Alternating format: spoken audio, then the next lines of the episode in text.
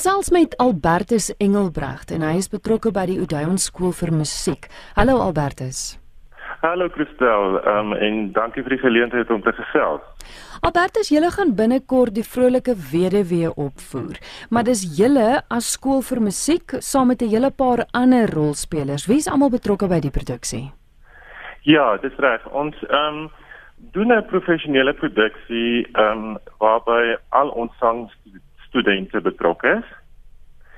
En die idee is om vir die studente 'n professionele platform te skep waar hulle kan leer van ander uh, professionele kunstenaars. So ek self is betrokke en dan word ons hoofrol die die die weduwee gesing deur Runet Botha in um, is in Duitsland op die oomblik um, in 'n teater verbonde.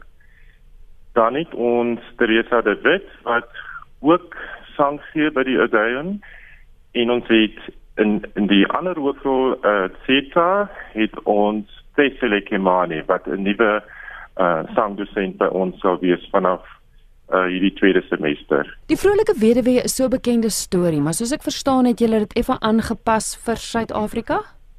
Ja, dis reg.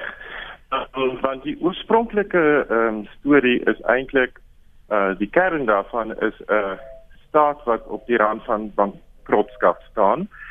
En ehm um, uh, Hanna, die vrolike weduwee, uh, het ryk geërf en die staat wil haar geld weer in die staat inbring deur 'n huwelik met Danilo. So ons het dit aangepas dat hierdie staat ehm um, Suid-Afrika word en nie Pontevedra soos in die oorspronklike ehm um, uh, uh, uh, nie. En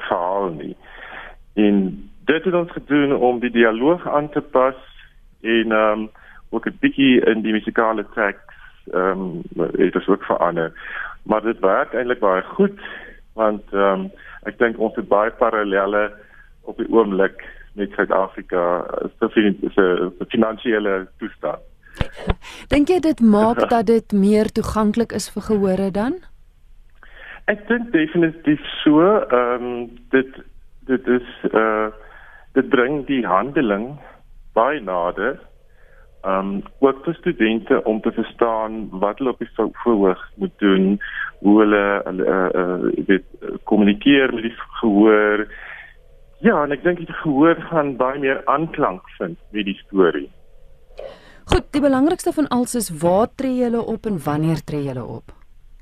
Goed, ons is nou in finale week, um gaan in die finale week van repetisies en ons uh uh premier is die 3de Augustus, dis uh volgende week Vrydag en dan is die tweede uitvoering die 4de Augustus.